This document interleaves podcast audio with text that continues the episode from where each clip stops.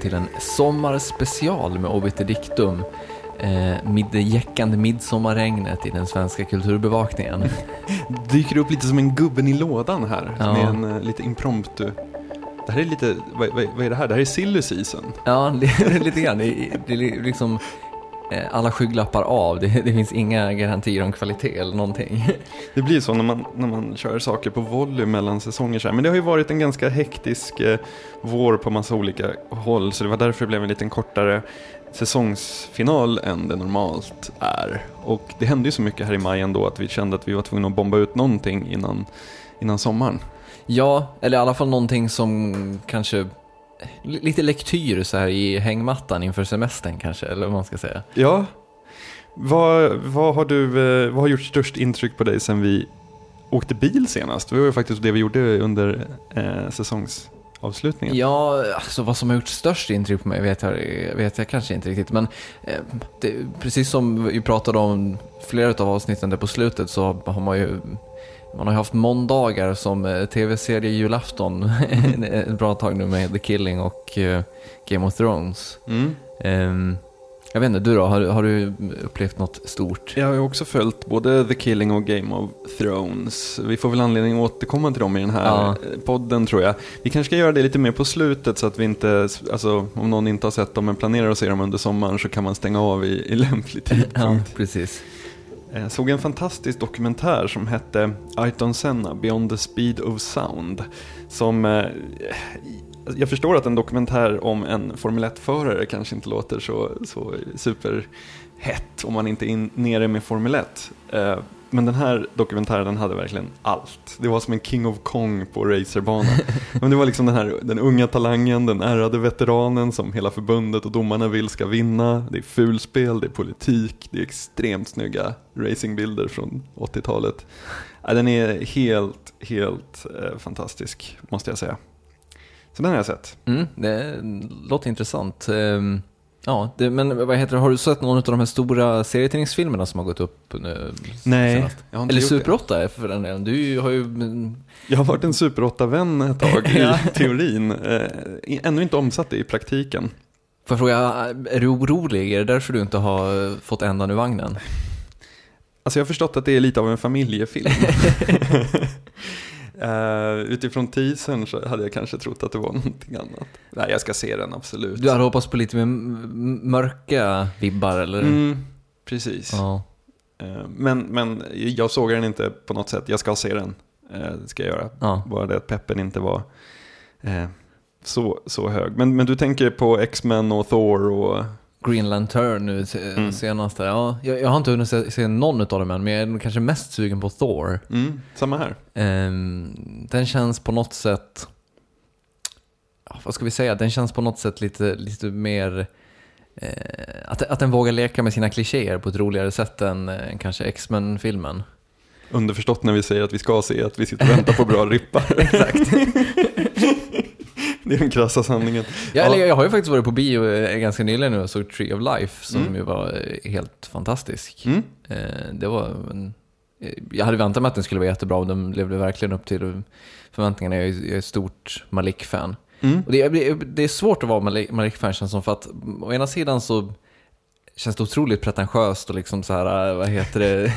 Men det är väl vårt mellannamn Jo, det är väl det. Men det finns samtidigt något väldigt så manligt, någonting manligt över det som jag inte riktigt gillar. Nästan lite så här macho-grej med att man gillar en, en gammal amerikansk filosof, eh, student liksom, så här, som gör eh, eh, svåra filmer. Man, det, är liksom, man, det, är det, här mans, det finns något, en underton av mansdyrkande i uppskattningen av Terrence Malick som jag brottas med. Sånt där är ju extremt komplicerat. Ja. Det, det, alltså jag, jag vet precis vad du, precis vad du menar. Eh, det är inte helt ovanligt inom, alltså när man sitter och, eh, jag jag gillar ju en, en snubbe som heter Chris Knight som är en så här, han är före detta gruvingenjör från, från Kentucky som eh, numera skriver låtar, eller han har gjort det ganska länge, men han sadlade om runt 2000, eh, släpper skivor. Och varje, han är ju extremt influerad av Cormac McCarthy i sitt låtskrivande, så varje, varje låt är en roman i princip. Liksom. Och det är bara så här amerikansk mellanvästern, pistoler, pokermatcher som slutar med mord och köra pickup trucks och sånt. Och jag har verkligen samma problem där, att så här, jag tycker det är skitbra, men så här, vad är det det här kommunicerar ut liksom? Ja, och sen Finns det, men sen finns det också hela den här genigrejen med liksom den manliga regissören som bara, alltså film är ju alltid ensemble, eh, görs ju alltid av en ensemble, men ändå så fastnar man ju alltid vid de här regissörerna, eller jag gör det i alla fall, och, och i, många fall så blir det ganska ofräscht hela den, hela den eh, autörgrejen. Det manliga geniet är Ja. ju liksom, vad ska man säga, jag tycker det är synd att världen ser ut som den gör, att det manliga geniet är ett problem. För att man hade gärna velat dyrka de människorna, alltså även kvinn, kvinnliga genier. Ja. Liksom. Man skulle vilja så här, förbehållslöst kunna så här, tycka att eh, ja, Kubrick eller Malick eller någon sån, sån där bara, bara är gudomlig och övermänsklig. Men då så fastnar man ganska fort i det där.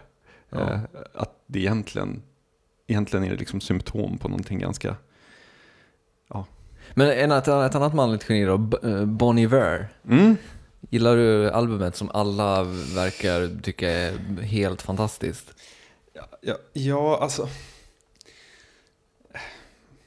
Vad ska man säga? Det är, väl ett, det är väl en bra skiva liksom. Men det finns ett problem tycker jag som, som Sara Martinsson, min kollega som har varit här på, i podden och gästat förut. Hon, hon twittrade någonting om, jag kommer inte ihåg ordagrant vad hon skrev, men hon, hon tog upp Nicolas Jar, eh, Bon Iver, Och James Blake? James Blake. Ja. Eh, att att de, liksom heta skivorna som släpps i år, det är bara ett sound. Det är inga, inga låtar. Mm. Här går jag bara omkring och låter, tror jag hon skrev. Vilket så här, jag, jag hade inte tänkt på det riktigt så, men det, det kanske är det som är... Men det låg väl i linje med någonting hon twittrade förut om att all bra musik är över 120 bpm eller vad hon sa. Jag är beredd att skriva under på det.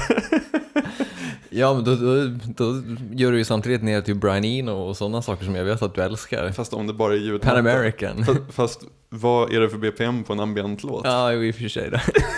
Du vet, kom igen. Det, det, är- det är postmusik.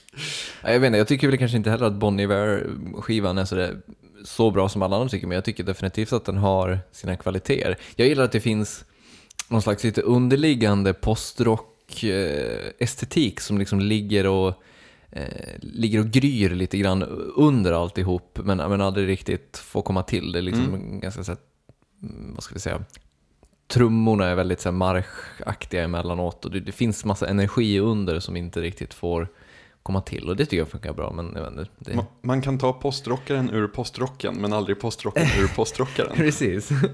Det är väl lä- läxan vi lär oss av Bon Iver. ja. Men jag, jag tyckte vi, vi... Tillbaka till Thor. Tillbaka till Thor. det är lite ostrukturerat det här, men, men vi får ändå försöka hålla någon form av röd tråd kanske. Eller en grön tråd, när Green Lantern. Ja. Eh, både Green Lantern, Thor och X-Men har ju gått ganska kast. ja, de hade väl framförallt så hade de ju sjukt eh, dåliga öppningshelger.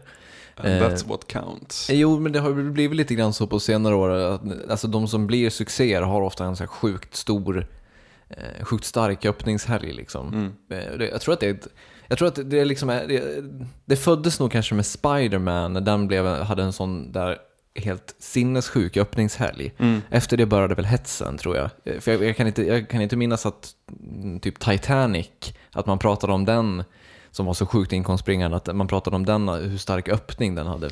Jag tror det har att göra med marknadsföringsmaskineriet. Ja. Att, att liksom, om du släpper om en... hypen payar off liksom. Ja, precis. Om, om du släpper en roman i februari och gör tidningsintervjuer då, då finns det ingenting som hindrar dig från att sitta på bokmässan och promota den ett halvår senare. Men däremot med en film så liksom bygger allting upp till premiärhelgen. Mm. Och det är inte så att du kan komma tre veckor senare och säga förresten, ni har väl sett Green Lantern? Nej. Då är det nya filmer som, som stjäl platsen i rampljuset. Men tror du det här kan vara, eh, när, i och med att de går så här dåligt, eh, tror du att det kan ha att göra, eller tror du att det finns någonting i att vi ser början på slutet för den här serietidningsrenässansen? Jag tror att vi börjar komma ner i division 2 vad gäller superhjältar. Ja. Jag har ju extrema problem med Green Lantern. Har vi pratat om hans sjuka origin? Nej men ta gärna det. Ja, okej. In brightest day, in blackest night, no evil shall escape my sight. Let those who worship evil's might beware my power. Green Lantern's life. Ja, grejen är, Green Lantern är för mig en fullständigt obegriplig person att ha som superhjälte. För, alltså, det börjar ju så här att det är en, en utomjording som är Green Lantern, kraschar på jorden, eh, dör, och då så letar ringen upp den bästa kandidaten, den bäst passande kandidaten. Och det är ju den här flygplats, han är flygingenjör va? eller testpilot eller något sånt här, Hal Jordan. Eh, som, som passar bäst för det här. Så då blir han Green Lantern. Eh, Men sen så har det där varierat, alltså det är ju andra som har tagit över the och varit Green Lantern. För att det är ju alltså ingen superhjälte som har några andra kvaliteter annat än att den här ringen tycker att den passar. Men finns det, finns det inte något lite intressant i det, i det att liksom Green Lantern är egentligen någon Jo- slags roll snarare än en person? Eller man Jag kan tycka att det hade kunnat varit jätteintressant om det var liksom grundat i någon slags ehm, eh, mytologi som vi fattar. Alltså så här, ja, om man tar påven liksom. Låt Ja. oss säga att påven verkligen är. Gud, ja, Guds röst på jorden och så vidare. Eh, men, men Green Lantern är ju liksom... Fan, här finns det, här, där finns det ju en film ju, när du säger det direkt. Alltså, Pope! ja. Det är därför han har så lustiga hattar och grejer. Det är, det är Ja. dräkten. Och det, det man inte får se då, det, det är att vad heter när, när, liksom rollen lämnas över så invigs man även då i de här speciella krafterna som man har som påve. Liksom. Det är därför det tar så lång tid. Under tiden sitter de och eldar så att det kommer lite vit rök ur Ja. skorstenen. Alla bara, åh de kan inte komma överens. I själva verket är han 200 meter under jord och lär sig. Um, jo, men Green Lantern är ju någon slags polis, alltså för sektor 25x38 av universum. Och det är ju någon så här sjukt rörig grej med Ancient Elders, Guardians, som så här vaktar universum och tillsätter de här posterna. Så det finns ju liksom Massor med miljarders Green Lanterns i olika delar av universum. Och det är hela den där grejen som jag känner så här, åh. Men varför funkar det bä- äh, sämre än, äh, än till exempel Stålmannen som också kommer från en annan planet? Därför att, Från Krypton. Ja. I- Det, det kanske är för att det, Stålmannen är inte alls lika rörigt på något sätt. Hans planet gick under och han Precis. blev ivägskickad bara. Han, han blev ivägskickad, Han överlevde, E.T. liksom. växte upp här i, på helt fel ställe och försöker liksom bidra med det han kan. Eh, men jag tycker att det är en skillnad jämfört med att så här, jag blir betydligt mer intresserad av the inner workings av det här Ancient Elder Guardians of the Universe prylen snarare Ja. än att Green Lantern far omkring och stoppar liksom ganska simpla skurkar på jorden. För han har ju ingen riktig sån där Nemesis. Nej, han har väl en som heter någonting, jag kommer inte ihåg. Eh, det finns ju bara en så här riktig, och det är också en snubbe som kommer från samma, samma skrå av Green Lanterns. Men, eh, men du sa att lite grann att vi, det känns som att vi kommer ner i division 2. Mm. Menar du då att liksom det, nu, de superhjältarna vi tar nu, det, eller som är kvar att filmatisera, är liksom inte riktigt lika eh, klassiska och går liksom inte, de går liksom inte utanpå serietidningskulturen på samma sätt som det kanske Batman och Stålmannen gör. Ja, och jag tror att det finns fantastiska serier att filmatisera som kanske är i ett eller två album. Mm. Alltså som Vi får Vendetta eller Watchmen. Men Watchmen floppar ju inte för att det var en dålig film tycker jag, utan för att den, den inte har den här stora franchisen. Nej. Alltså i Batman, folk växte upp och såg liksom 60-talsserien eh, som barn. Och sen så kom, eh, även om man inte har läst serietidningen så har man en relation till, till Batman. Mm. Men jag tror att man är väldigt sådär... Men det är så stora kulturella symboler liksom. Ja. Du kan, men medans, alltså det är väldigt svårt att växa upp i västvärlden och inte höra talas om Stålmannen Mm. någon gång. Däremot Green Lantern, då måste du ha lite grann eh, sådana intressen som gör att du kanske förr eller senare snubblar över honom. Mm. Förutom nu då när han typ blir megastor med, med den här filmen då. Precis. Och jag tror också att det kostar så himla mycket att göra de här filmerna att man vill casha in på dem. Alltså Mm. de, de, de som har liksom funnits i flera reinkarnationer och liksom varit med väldigt länge. Snarare än att ha kanske en kva, jävligt kvalitativ historia från ett album. ehm, som, som, som inte har en fortsättning. Mm. Så därför så tror jag personligen att ehm, jag, jag, jag tycker att jag är ju en vän av både X-Men-filmerna och Spider-Man-filmerna och Batman-filmerna. Mm. Jag, jag tycker de funkar skitbra. Och jag ser gärna att man gör fler sådana. Men, men jag vet inte om man måste så här, Jag gå och rota i Marvels alla dunklaste liksom, vrår för att hitta något nytt att filmatisera. Nej, men och sen också, jag kan känna lite grann med den här X-Men-filmen, alltså behöver vi verkligen bolla in en, en ytterligare X-Men-version i, i hela den här ekvationen? Eh, jag, tänker, jag tänker att först har vi liksom de, de eh, X-Men-filmerna som drog, drogs igång med Bryan Singer, som är det tre stycken. Och sen har vi liksom spin-offs på dem då med, med Wolverine, det är väl planerat och Magneto också tror jag, eh, och så vidare. Och sen nu då så bollar man upp ytterligare en till X-Men, eh, ett, ett till X-Men-spår liksom, som är någon slags prequel. Eh, och därmed befinner sig i någon slags mellanland. Vet, det, känns, det blir så väldigt så konstigt på något sätt. Alltså, det, det, och jag kan tänka mig att det kan inte vara bra marknadsföring för en franchise heller att ha, och liksom göra sådana saker. Det är liksom så som att man, vad heter det, man kör så Spiderman-filmerna och sen kommer det tre filmer om Venom också som bara handlar om Venom. Det, det, det skulle liksom... Det, det, är för liten publik som skulle uppskatta det på något sätt. Plus att jag tycker ett stort problem som superhjältefilmerna har, eller överhuvudtaget filmatiseringar av serier, det är att när man läser bloggar och fanreaktioner och sånt så handlar det ofta mer om så här, hur kommer det att se ut när man ser det på riktigt? Hur väl porträtterad är Jokern? Hur kommer Catwoman... Alltså, det, det handlar mer om så här, att analysera överförandet snarare än att berätta en historia. Jag tror att det är det som X-Men har fastnat i, att de bara wow, här har vi ett galleri av extremt bra eh, karaktärer. Nu, nu ska vi ta dem till liv på stora duken. Jo men och sen tror jag också att, vad heter det, att man i de här historierna ofta kan, du kan locka den, den va- vanlige Svensson till bion också. eh, I och med att det blir de här sommaractionstänkarna eh, av, det- av det hela också. Och jag tror att det kanske var därför Watchmen inte gick så bra heller. För den, den har ju inte den, vad ska vi säga, en riktigt så traditionell intrig.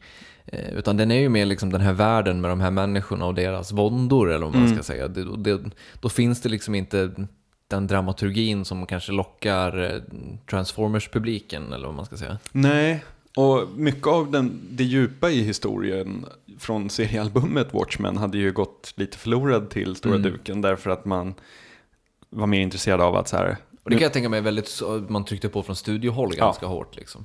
Definitivt. Men vad heter det, men vad tror du? Vi har ju eh, Captain America kvar nu den här sommaren. Eh, om den också floppar, hur, tro, hur tror vi då det kommer gå för eh, Ja. Avengers-filmen nästa sommar? Och Wonder Woman Ja. Ja, För det är väl alla de här eh, Thor och, eh, och Captain America, alla de här, de, de släpper väl i princip de filmerna bara så att de kan göra Avengers-filmen nästa år som någon slags jävla superfilm. Det kommer Iron Man vara med också och en massa olika karaktärer som dyker upp i det universumet. mm. För Iron Man-filmerna har ju gått bra. ja, Och det, det känns som att det kan bli sjukt eh, det kommer bli sjukt ojämnt. För det är Iron Man som är en väldigt framgångsrik franchise med en, så här, en av Hollywoods största skådisar i huvudrollen. Och så kommer de här Thor och Captain America som inte alls har lika tunga namn och inte alls är lika etablerade. Så att risken är väl att Avengers-filmen blir en så här en historia om One Iron, man, ja. Iron Man med massa sidekicks eller vad man ska säga. jag, jag kom bara att tänka på när du, jag, jag tappade, tappade orden lite när du nämnde Iron Man, för jag kom på i podcasten Hollywood Babylon så höll Kevin Smith en rant om varför Iron Man är den sämsta superhjälten, därför att han, kan, han har inga fiender, alltså han är oövervinnlig. Eh, ja, jag, jag, jag har fortfarande tappat tråden här bara för att jag är insnöad på Iron Man. Ehm, men men ah, hur det kommer gå, jag personligen tror att en Avengers-film kan vara ganska grym. Liksom. Jo, Men samtidigt så har ju de här kollektiva filmerna en ganska dyster historia. League of Extraordinary Gentlemen var ju kanske inte någonting som vi... däremot, däremot gillade jag i Hellboy 2 när hela Bureau of Paranormal Research and Defense Mm. var samlad. Jag skulle vilja se fler BPLD, ehm, eh, vad sa jag, BPLD, BPRD, Mm. ehm, filmer. Det, det, det, det tycker jag funkade skitbra. Men sen är det också nästa sommar då, Avengers-filmen, den kommer ju liksom konkurrera med The Dark Knight Rises och därmed Grattis. inte ha en jävla chans. Det, det, menar, det- Dark Knight Rises är ju liksom en given succé redan nu och det, det känns väl som att eh, att konkurrera med den känns bara idiotiskt på något sätt. Vi måste nästan prata lite Dark Knight Rises. Det tycker jag definitivt vi ska göra. Det har ju gått igång ett alternate reality game. Precis som sist. Mm. Eh, Hur började det? Det började väl med, eh, nu ska vi se om jag minns rätt här, eh, att det dök upp ehm, eh, lite grejer på den här eh, darknightrises.com-sidan. Eh, det var bara ett ljudklipp som spelades upp som var ganska kort. Vi kan lyssna lite på det.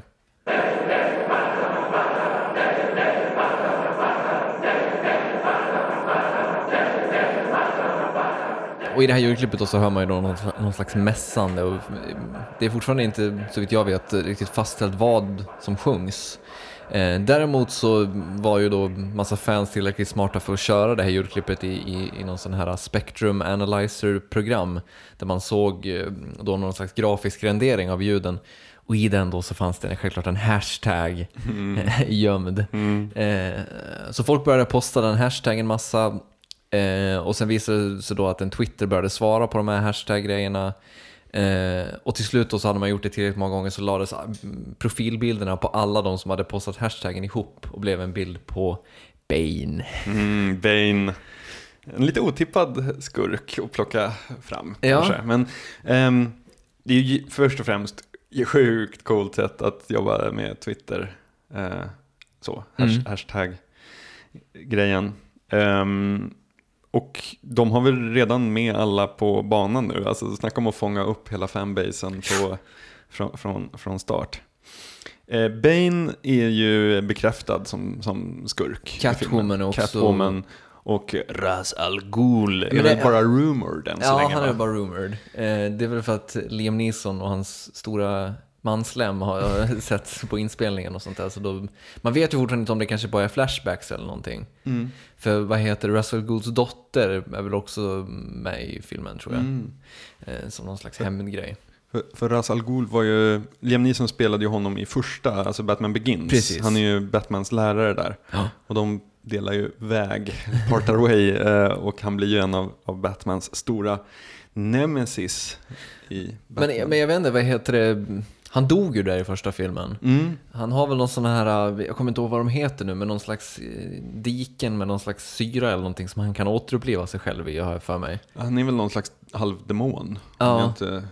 Men kan, betyder det då att den här Batman-filmen kommer ta en mer turn eh, för det mm, övernaturliga, eller vad vi ska säga? För de var väldigt realistiska, Nolans två Mm. första Batman-filmer. Alltså vissa, eh, vissa karaktärer kanske kräver det. Jag, jag tycker på ett sätt att det är lite synd. Jag är ingen stor fan av Ras Al Ghul faktiskt.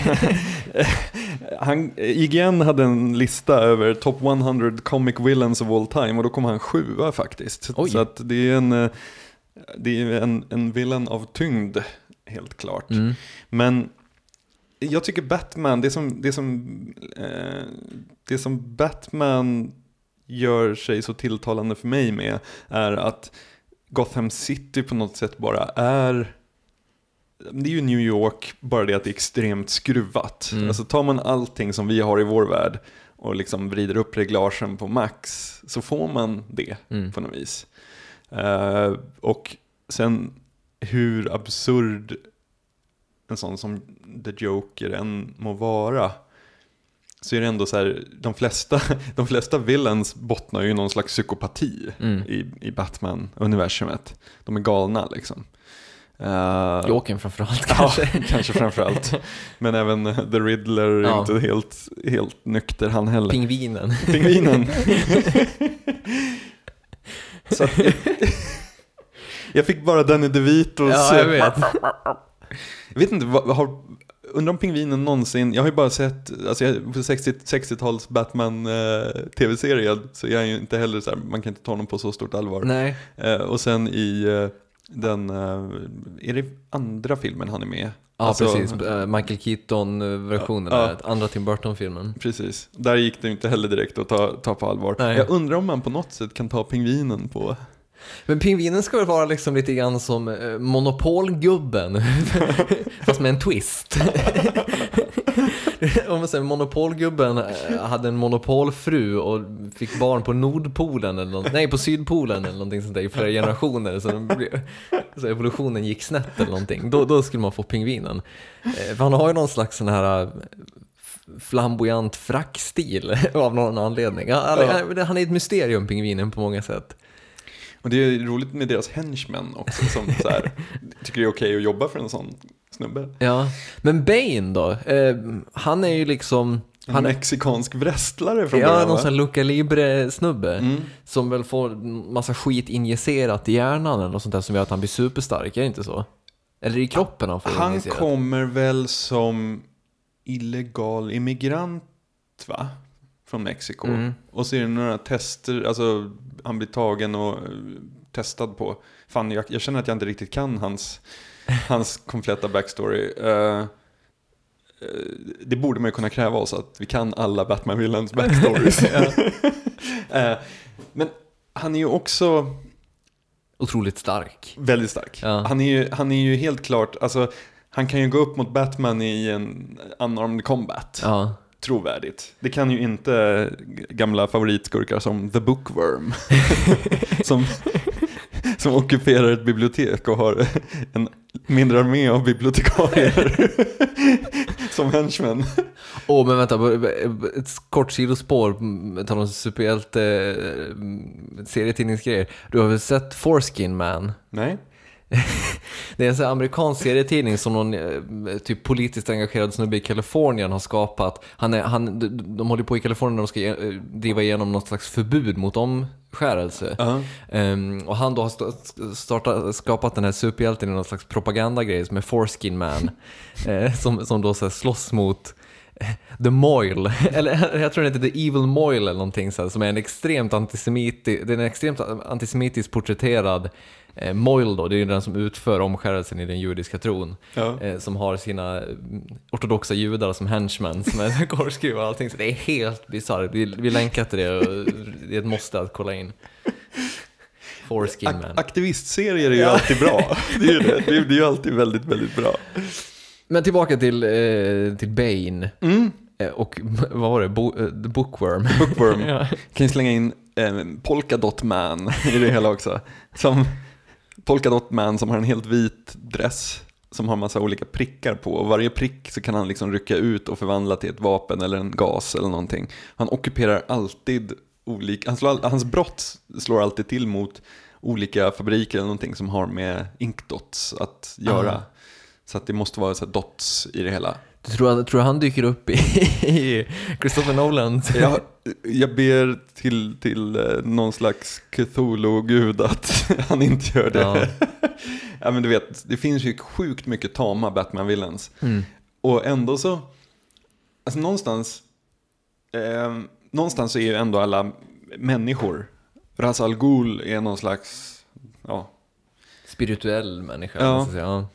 Och jag, jag kan känna att det finns problem med att blanda in allt för mycket övernaturligt i... Om jag, inte, jag är inte någon Batman-expert, men jag tror att det är så här att runt... Alltså man delar ju in det i olika eror. Mm. Och att runt 91-92 så börjar en, en sentida era av Batman som, som alla purister förnekar eftersom då blir det väldigt mycket hokus pokus och Okej. ma- magi och sådana saker in, inblandat. Men och sen tog, eh, vad heter han, Sin City-författaren? Frank Miller. Frank Miller ja. Sen tog han det tillbaka till The Dark Knight, det var han som tog The Dark Knight-steget va? Ja, precis. Fast det, jag tror att det är innan. Aha, okej, det är så tidigt. Ja, jag tror att det, för det finns ju den fantastiska Frank Miller-serien när Batman och Superman slåss. det är ju fantastiskt. Men har inte Batman häst då också? Jo, han Ja. rider. Han rider. Ja.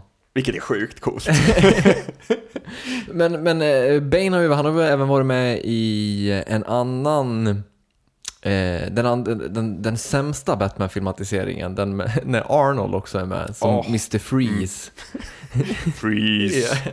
Ja. Eh, och där är han ju någon slags bihang till Poison Ivy. Mm. Eh, där i, i, i den, den filmen så är han ju liksom Han har ju inga repliker ens, alltså han gör ju bara de här alltså, ljuden. Gutturala läten. Precis, och sen bara springer och är liksom, han är, han är liksom bara muskler i princip. Det, och det känns ju som att eh, Christopher Nolan kommer väl åtminstone ge, ge Tom Hardy som spelar Bane nu lite mer att arbeta med tror jag. Men han är ju mer liksom, i sin karaktär så är ju han en, en vad ska man säga, en juggernaut. Liksom. Ja. Alltså, han är ju verkligen, I'm the juggernaut bitch! men han ska ju spela, han, ska ju stå i eh, defense-linjen i ett amerikanskt fotbollslag. ja. Så enkelt är det ju. Ehm, så jag vet inte hur mycket man kan göra, ja, göra med honom. Men å andra sidan, eh, han lyckades göra Jokern sjukt mänsklig och omänsklig eh, samtidigt eh, på ett väldigt bra sätt i förra filmen. Så att jag vet inte, jag, jag litar ganska mycket på Christopher Nolan. Han har visat sig mm, hantverks, vad säger man, hantverksskicklig de senaste åren. Eh, jag är nästan mer orolig för Catwoman, för den känns den, så sjukt eh, svårbalanserad, Ja, den verkligen. karaktären. Alltså, jag var, jag var tvungen att fulgoogla Bane här medan vi pratade. Han var ju såklart inte illegal immigrant med experiment, utan han satt i ett fängelse i Ah. Latinamerika. Där han, eh, han slog sig upp till toppen av eh, hierarkin där inne, men sen så gjorde de eh, eh, experiment på honom. Okej. Eh, Catwoman är ett jättestort problem när det ska filmatiseras tycker jag. För att hon är ju jävligt cool, alltså upplägget är jävligt coolt. Ehm, men problemet med eh, exempelvis eh, de, de, den tidigare filmen, när Michelle Pfeiffer var det, är ju att det är också en sån karaktär som väldigt lätt förvandlas till någon slags ögongodis-grej. Att man förlorar hennes kvaliteter som, som skurk. Hon blir någon slags side, sexig sidekick till huvudskurken som Mm. hon teamar upp med. Ehm, typ. Jo, men det, fin- det ligger ju liksom... Det ligger ju något latent lite äckligt i det, liksom den här kvinnan som blir katt och liksom håller på att slicka på händerna. Och, Mm. eh, jag menar, Catwoman-filmen är väl den sämsta, utöver Fantomen, den sämsta superhjältefilmatiseringen någonsin. Den är, den, jag skulle nästan säga den är nog sämre än Fantomen till och med. Eh, den, är, den är verkligen inte bra. Eh, och då är det ju Halle Berry som spelar Catwoman. Just det. Men, men inte, det finns... Det, det, hon är liksom... Nå- Det, det är ju någon slags femme fatale, men, Mm. men med någon twist som är bara... Jag vet inte. Det är, Ja, men ska man vara krass så är det väl så här att de, de, en majoritet av alla kvinnliga superhjältinnor är ju ändå eh, Alltså det är ju någon slags, de, de, de, de klär sig i fetischkläder och det gränsar alltid till något halvporrigt. mm. Och just i, i Catwoman-fallet så, jag tycker i serietidningsform är det inte alls lika illa, då är hon jävligt creepy liksom. Men, men just på film så blir det där att man tar någon så här supersexy actress som är talk of the day eh, och liksom klär upp henne i PVC och sen så bara, ja, men åmar det lite. Mm. Och så tror man att man har fångat Catwoman där, men not so much. Vet du att det funnits en Catman i Ja, Batman? jo, jag såg det. Som var typ någon så här förvuxen kattliknande varelse väl? Var det- ja, jo, precis. Ja. Det, det känns också helt bisarrt. Vi kan konstatera att Batman-universumet inte alltid har gått rätt. Nej, man, man märker ju ganska snabbt hur mycket LSD olika serietidningsförfattare har konsumerat. Ehm, ja. Men jag vet inte, problem, ett annat problem med Catwoman kanske också blir att Christopher Nolan har ju inte ett så himla bra track record när det gäller kvinnliga karaktärer, Nej. vilket kan bli problematiskt. Eh, annars tyckte jag Black Widow i andra Iron Man-filmen var otroligt bra. Mycket för att Ascoolt. hon var liksom, eh, spelade jättemycket på sin sexighet när hon inte var sin superhjälte utan alltså när hon var civilklädd och så. Ja. Men däremot så fort hon fick på sig superhjälte-gearet så var hon bara kickass. Och Ja, framförallt att hon, hon slogs som en, så som vanligtvis, vanligtvis slåss ju kvinnliga superhjältar mer på någon slags feminint sätt. Ja. Men Black Widow kickade verkligen arsle på det blir mer som en dans. Ja. än en, ja. Eh, Så det var väldigt bra tyckte jag. Det tyckte jag var, det som var så härligt med det var också så här att man fick verkligen känslan när hon var civilklädd så att säga att hon så här Ja, ah, okej, jag anpassar mig till den här rollen som en sexig assistent och bara så här flörta lite för att det är det som förväntas av mig. Men Mm. egentligen så, alltså det, det, var, det var inte liksom ett påklistrat, det, det, kändes väldigt mycket som ett så medvetet påklistrat attribut från Mm. hennes sida snarare än ett tillskrivet attribut från, från författaren. Mm. Men eh, arget, du kommer följa antar jag eller? Det där är ju så jävla svårt. Jag, jag tror det, för att förra gången så eh, spoilade ju inte Arget någonting för filmen, utan Mm. det var ju bara pepp liksom. Det var ju, ja, det, det var bara bra. Så det, kommer jag, det, det kommer jag göra. Jag är ju så spoilerkänslig annars. Jo men det känns samtidigt så här. eh, Det, det, det känns lite som att vi, vi, man vet ändå, nu vet vi vilka som kommer vara villains. Och sen man vet ändå hur Batman fungerar. Att, eh, och nu har man sett två filmer i den här mm, tappningen liksom.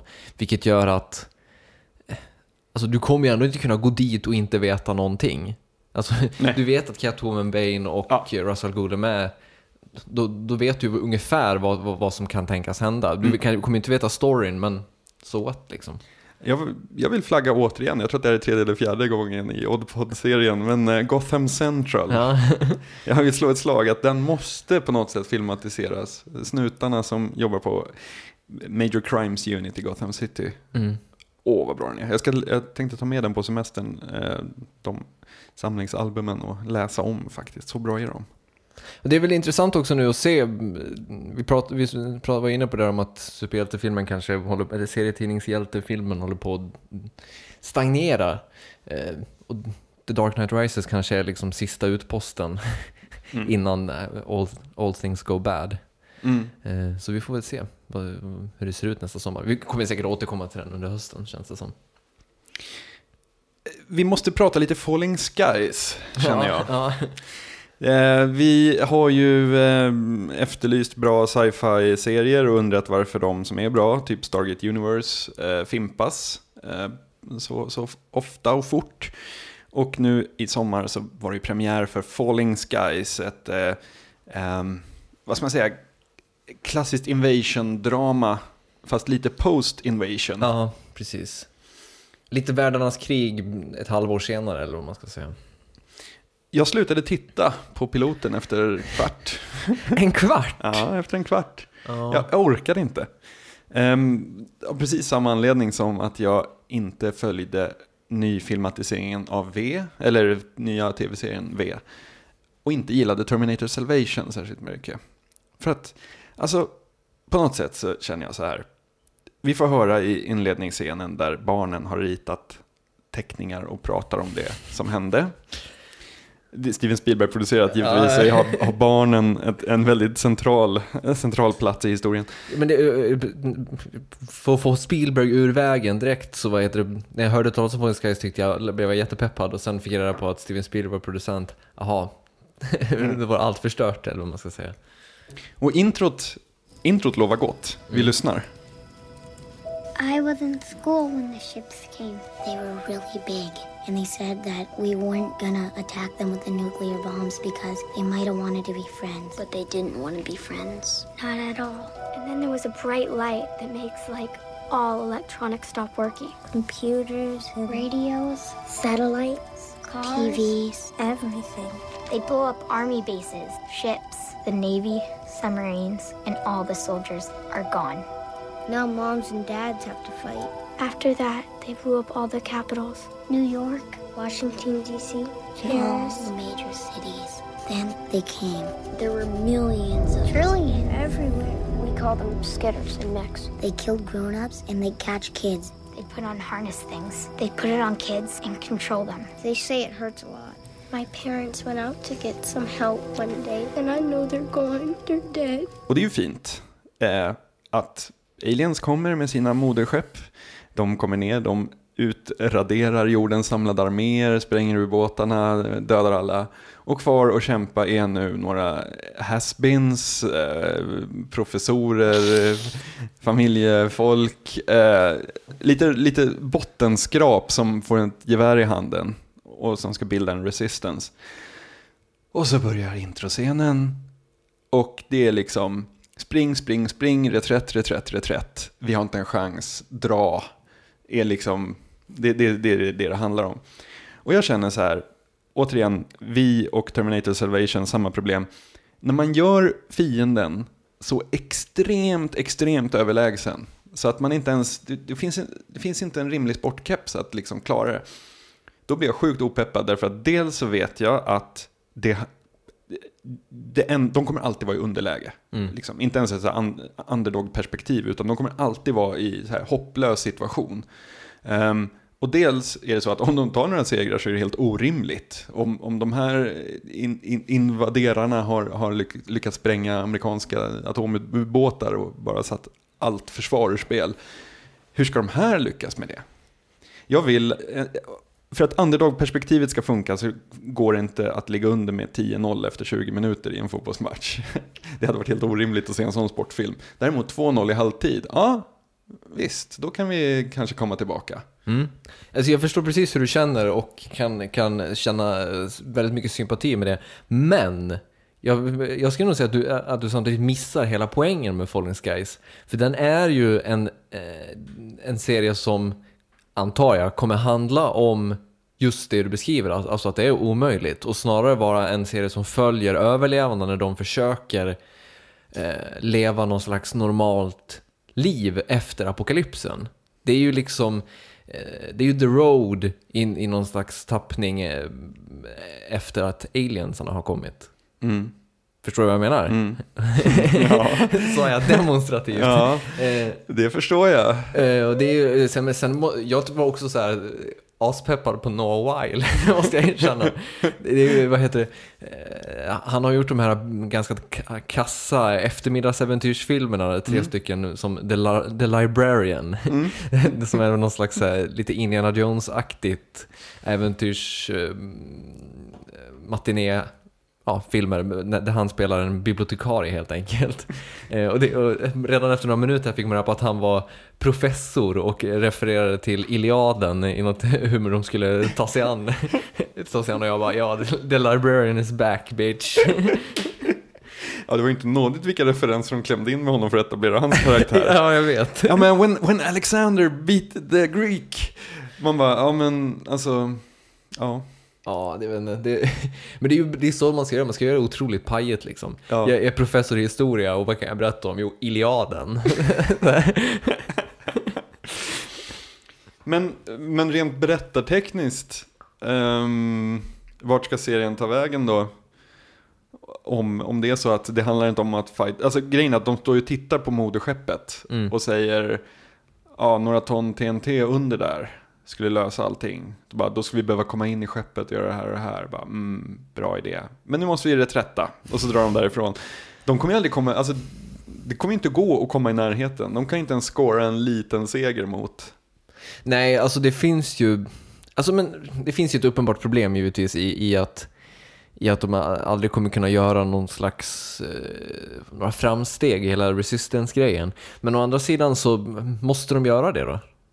Alltså kan det inte bara vara en serie med en dramaserie om... Där de bara är på reträtt. Ja, när de bara är på reträtt och liksom blir lite urban warfare emellanåt. Alltså det, det, poängen är väl kanske att, att hela den alien-grejen är någon slags fond mot vilken man kan spela ut massa draman om människan istället. Ja, Men typ som en zombie, zombie-serie då, Ja. liksom att okej, det här hotet finns, vi bygger vår lilla by här och försöker hålla, hålla den. Precis. Du såg ju inte eh, fram tills det då, men i del två av piloten så liksom så träffar de på nå- något så här, typ rövarband, eller vad man ska kalla dem. Sådana som liksom opportunister i den nya världen som, som eh, utnyttjar att det är ett laglöst land.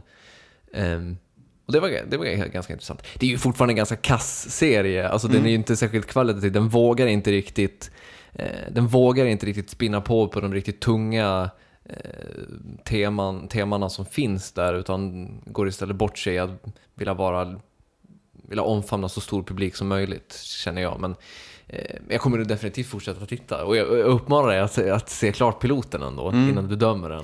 Ja, alltså jag stängde av när de sa så här att vi har chansen nu, vi har chansen, de är ganska få, ja tills moderskeppet kommer tillbaka.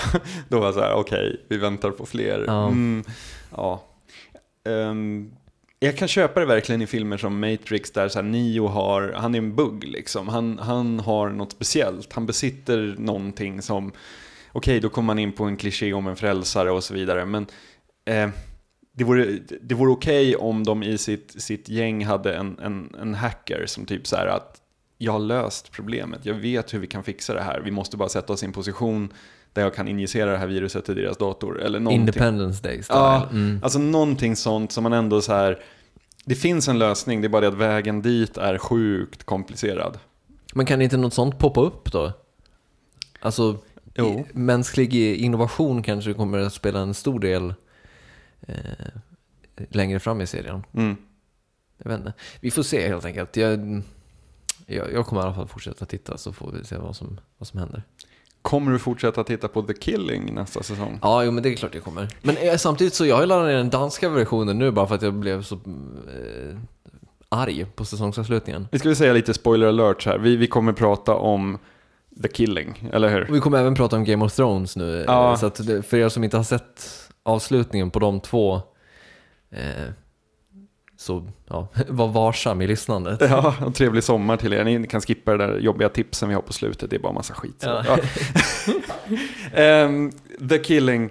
Det som hände var ju alltså Du var ju, på det verkar som att du var skitarg. lite, Ja. lite arg. Jag har ju valt att se, inte kolla danska förlagan, utan se, se amerikanska. Eh, därför att man är en sucker för, för amerikansk eh, rur, ja, urban eh, decay liksom, och regn. Eh, så att, så att jag, jag har ju sett den am- amerikanska. Och vad de gjorde var ju att inför säsongen så var taglinen Who killed Rosie Larsen? Det var liksom, det var så de gjorde reklam för det. Stu, nu är ju stulen från Twin Peaks. Givetvis, Ja. men det talar ju bara till dess fördel tycker jag. Alltså, då, då sänder man ju ut någon slags signal.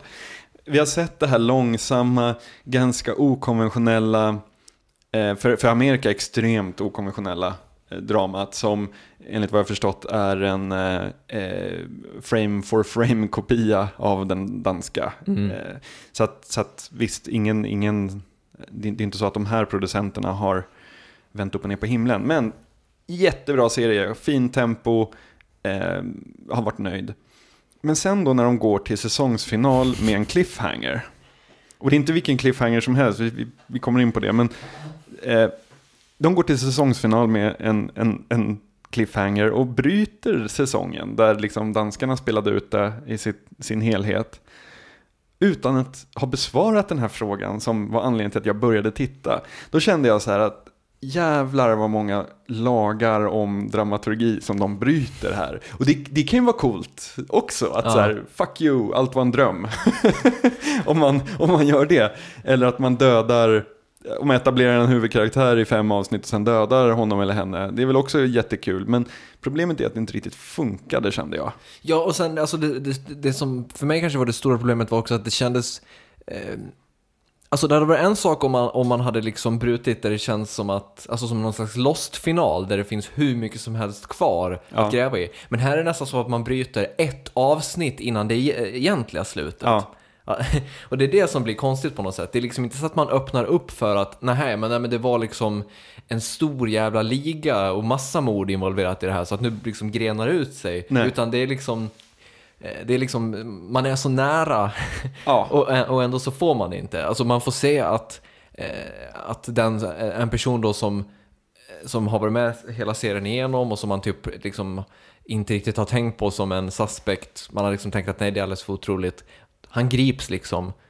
Men sen får man inte reda på om det faktiskt var han som gjorde det. Utan det, Vi fick inte ens reda på om han blev dödad. nej. eh, Samtidigt som man tar en av liksom, de goda som man har gillat och helt plötsligt skickar in ett ved i den brasan att så här, ja, han var korrupt. Han gick någon annans ärenden, eventuellt. Ja. Ehm, och alltså, i vilken annan genre som helst av drama så är jag helt öppen för alla så konstiga grepp och sånt. Men just när det är ett mordmysterium så finns det faktiskt regler för hur det får berättas. Men om vi jämför då lite grann eh, avslutningen på Game of Thrones, som jag tyckte var helt briljant. Eh, den är ju inte heller, ger inte heller några definitiva eh, lösningar på någonting Nej. whatsoever. Där kom snarare den liksom, den, den lilla hooken eller vad man ska säga, som hade kunnat vara en upplösning, den kom i avsnittet innan när Stark får huvudet avhugget. Japp. Ehm, och sen i eh, sista avsnittet då så ägnar man också i princip bara hela avsnittet åt att etablera cliffhangers inför nästa säsong. Men varför funkar det så sjukt mycket bättre i Game of Thrones tror du? Ehm, därför att där finns inte en fråga, alltså vem som är kung över the seven realms Mm. är liksom den centrala frågan i serien. Men det spelar inte så stor roll för oss. Vi vill se liksom utvecklingen, vi vill se vad som händer. Och nu då när liksom, ja, the Knights of the North, eller The Wall, Mm. eh, de är på väg att gå norrut. Eh, hon har fixat drakar och hjälper henne ta tillbaka tronen. Eh, han, eh, sonen har utropat sig till, till, kung av norra provinserna och går i krig mot. Alltså det finns, Måste säga det, Khaleesi är inte med. Det är nog min favoritkaraktär på tv just nu. ja, Jag tycker hon vuxit så inåt helvete ju, ju längre serien har gått. Och jag, jag, jag, jag, I det första avsnittet så var jag så sjukt...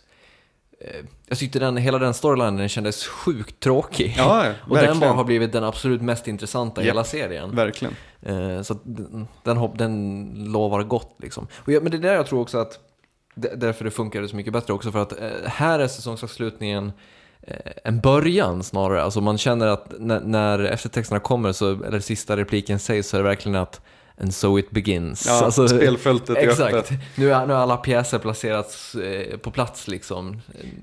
Nu är det dags att dansa. Författaren S.S. Van Dyne skrev 1928 en lista på 20 regler för, för just så här deckare. Ehm, det fin- det finns en punkt där som jag tycker hänger ihop med båda de här två grejerna. Eh, han skriver eh, “The culprit must be determined by logical deductions, not by accident or coincidence or unmotivated confession. To solve a criminal problem in this fashion is like sending the reader on a deliberate wild goose chase, then telling him after he has failed that you had the object of his search up your sleeve all the time. Such an author is no better than a practical joker.” Det är lite Deus Ex Machina i princip. Ja, Um, och i Game of Thrones så är det ändå så här att, att hon kläcker de där drakarna är liksom inte, eh, det är inte så här, jaha, okej. Alltså det, Och det- det, det är en logisk handling. Alltså, Och det, har- och det, det har hintats lite om, om att det finns något skumt med de där äggen ju längre serien har gått också. Det, alltså, de har inte bara varit med i första avsnittet som bröllopspresenten utan de har liksom varit där i elden och hon har tagit på dem utan att de bränner sig och massa sådana saker. Så att det, precis, det blir fullt logiskt. Och redan i liksom vignetten i första avsnittet när de liksom sveper över kartan och allt sånt där så signalerar de ju någonstans att okej, om ni tittar och har tålamod så ska vi ta med er på en jävligt cool resa här. Och det kontraktet har de ju inte brutit med, i och med säsongsavslutningen. Det är snarare så att man ser fram jävligt mycket mot nästa etapp på resan. Medan när man går ut med den här Who Killed Rosie Larsen-grejen och lägger upp det som att så här, ja ja men hon ska snart åka till Los Angeles så att vi har bara några dagar på oss här. Alltså hela tiden har de i The Killing signalerat att vi ska bara reda upp det här mordet. Och sen så bara får man ett finger i ansiktet istället. Ja. Alltså jag tror lite grann att det kan ha att göra med Eh, om, om man kollar på danska, den danska förlagan så är säsongen nästan dubbelt så lång. Jag kommer inte ihåg om det är 18 eller 20 avsnitt i den. Eh, och det kan ju vara så att de liksom, jag vet inte eftersom att jag inte har sett det, men det kan ju vara så att de har delat upp, de tänker att vi delar upp den i två säsonger, eh, första mordhistorien. För att eh, om, vi, om vi har bara eh, den första mordhistorien, den, den kanske folk älskar. Och då har vi åtminstone två säsonger där folk kommer vilja ha reda på det. Medan eh, när vi sen då ska, om vi, om vi löser hela den mordhistorien i första säsongen så kanske inte folk vill se nästa säsong för att Ja. den historien kanske inte alls är lika populär eller vad man ska säga. Det, jag vet inte, det, det är konstigt tänkt bara. Ja, nu är jag ju, jag känner ju för att se danska förbrytelsen. Eh, Men då måste man nästan se den ända från start för att liksom, ja, vänja sig vid karaktärerna och så vidare. Och jag skulle gärna vilja ha den subtitlad på svenska också. Eh, Men jag kommer nog, ja jag vet inte, kommer jag fortsätta se den nästa år? Jag vet inte, kanske. Fast jag tror nog att det ligger närmare till hands att kolla på danska faktiskt. Ja, eller om, jag kan väl säga så om jag kommer se danska, eh, vilket jag antagligen kommer göra som att jag laddar ner och sådär. Men eh, om jag inte ser danska kan vi säga, då kommer jag se amerikanska. Eh, om jag ser danska så är det ganska stor risk att jag liksom inte ser Mm, synd, för jag gillar Joel Kinnaman och har honom på montagen. verkligen, verkligen. Vi ska ju säga det också, vi, eh, vårt avsnitt förut om fantasy versus science fiction, det väckte ju de största känslostormarna som vi har varit med om här i lilla Oddpod-universumet. Eh, Vilket var skitkul, tycker jag. Bland annat fick vi en massa tips. Eh, Jag har ju läst den här trilogin The First Law av Joe Abercrombie. Eh, vilket var en väldigt bra, good read Mm. måste jag säga. Vi får väl anledning att återkomma till, tänkte vi måste nästan ta och samla upp lite reaktioner och åsikter och sånt om, om, om vad folk, ja, de vi har fått och göra ett avsnitt om, om bara det kanske. Eh, Verkligen gå till botten. Gå till botten med det här ämnet en gång för alla. Ja. Det jag ska säga bara väldigt kort efter att ha läst de här tre böckerna som jag tyckte, alltså jätte, jätteläsvärda verkligen. Men jag, det jag försökte formulera förut, eh, som jag inte lyckades med då, tror jag att jag har kommit på under tiden jag har läst den här. Okej. Och det är så här, att, och det här gäller även Game of Thrones, eh, som jag inte har läst böckerna, men som jag ser tv-serien. Och det är det här att i den här First Law, eller The First Law-trilogin, den världen är väldigt spännande. Jävligt cool på liksom makronivån med eh, storpolitiken och de olika liksom, regionernas eh, eh, ja, bråk och så vidare. Däremot så är karaktärerna extremt ointressanta. Min största, största liksom, kopplingen jag har till en karaktär där är en så här, eh, crippled torturer för ett här secret polis. och det är kanske inte den man ska bonda med. Mm. Alltså, det är inte tänkt att så här, det är honom man ska ha sympatier och eh, så. Och jag tror att det, det kanske är det som är mitt liksom, anledningen till att jag inte har fastnat i fantasy-grejen. Och det för jag, jag gillar karaktärer, jag är extremt så hookar med karaktärer. Mm. Och det gäller ju även Game of Thrones och även liksom klassiska verk. Eh, sådär att världen i sig har man lagt ner jävligt mycket kraft på. Och liksom the inner workings of politics av den världen är jävligt kul att läsa. Men däremot är karaktärerna inte så, så himla roliga. Men du gillar inte karaktärerna i Game of Thrones heller? Det finns väl en och annan, men jag tycker de flesta är ganska sådär... Det finns ju en del fringe-karaktärer där som är jävligt roliga. Mm. Men ingen av huvudkaraktärerna, alltså det är inte så att jag hejar på någon och tycker så här att åh, alltså man hatar ju, alltså Joffrey är ju jävligt vidrig, Mm. givetvis. Och eh, eh, vad heter han, eh, ehm, den kortväxte brorsan i... Ja, vad heter de? Laddisdale? Nej, vad heter de? Ja, Jag googlar. ja. Eh, han är ju extremt sympatisk i sin, sin arrogans. Um, Storebror där, han är dansk, vet du det? aha. Danskar verkar vara extremt bra på att prata engelska, Ja. för jag har inte alls tänkt på det. Lady Stark tycker jag är eh, också i sin, sin så här egen intresse och eh, osympatiskhet så är hon tilltalande. Däremot så finns det ingen egentligen som jag känner så här, kom igen nu, eh, det, det är dig som vi vill ska, eh, ska ro hem det här. Lannister. de. Lannister, självklart. Jag gillar patriarken där i Lannister-familjen. Pappa Lannister som gärna eh, orerar inför sin son medan han flår ett djur eller. Ehm, så nej, jag gillar inga, jag har inga karaktärer så som jag, jag fastnar i. Eh, om man, nu, nu ska jag göra den här, nu lägger jag upp för Smash här. Eh, om man tittar på exempelvis William Gibson så är det en person som kombinerar en ascool värld med jävligt coola karaktärer. Men kan inte det här egentligen, vi måste egentligen bli bättre på det här också när vi, när vi diskuterar den här frågan. Eh, vi kan inte hela tiden komma tillbaka till William Gibson och, och Arthur C. Clarke och så här. Alltså, det, det blir ju liksom, det, vi jämför, eller det, ibland känns det som att vi inte jämför science fiction och fantasy, utan vi jämför fantasy och William Gibson. vi jämför fantasy och William Gibson och Blade Runner. Som liksom Guilty as charged. ja, och det är liksom inte riktigt rättvist på ett Nej, sätt. nej. Men First Law, skitbra serieböcker måste jag säga. Jag, hade, jag får tacka så hemskt mycket för, för det var flera som tipsade om det. Eh, Jag har inte deras namn här nu så det är lite pinsamt. Jag ska mejla dem och, och tacka.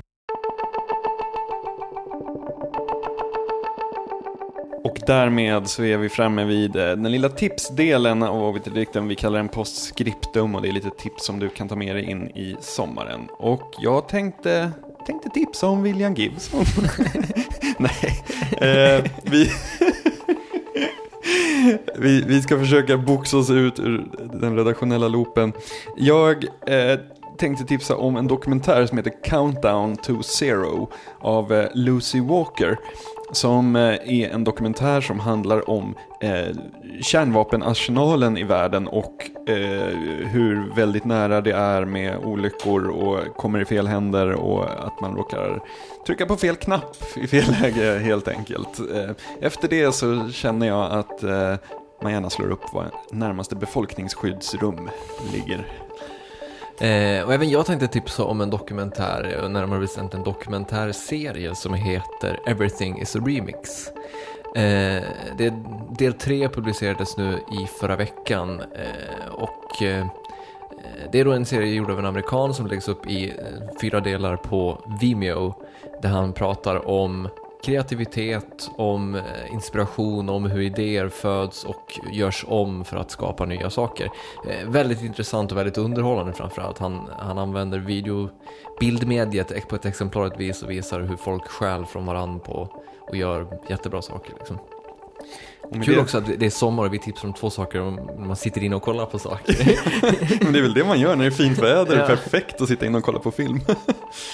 Eh, och därmed så kastar vi väl oss ut i den eh, myggbestänkta sommarnatten och eh, ser vad som väntar bakom nästa hörn. en fortsatt trevlig sommar önskar vi er. Ja, Tack. hej!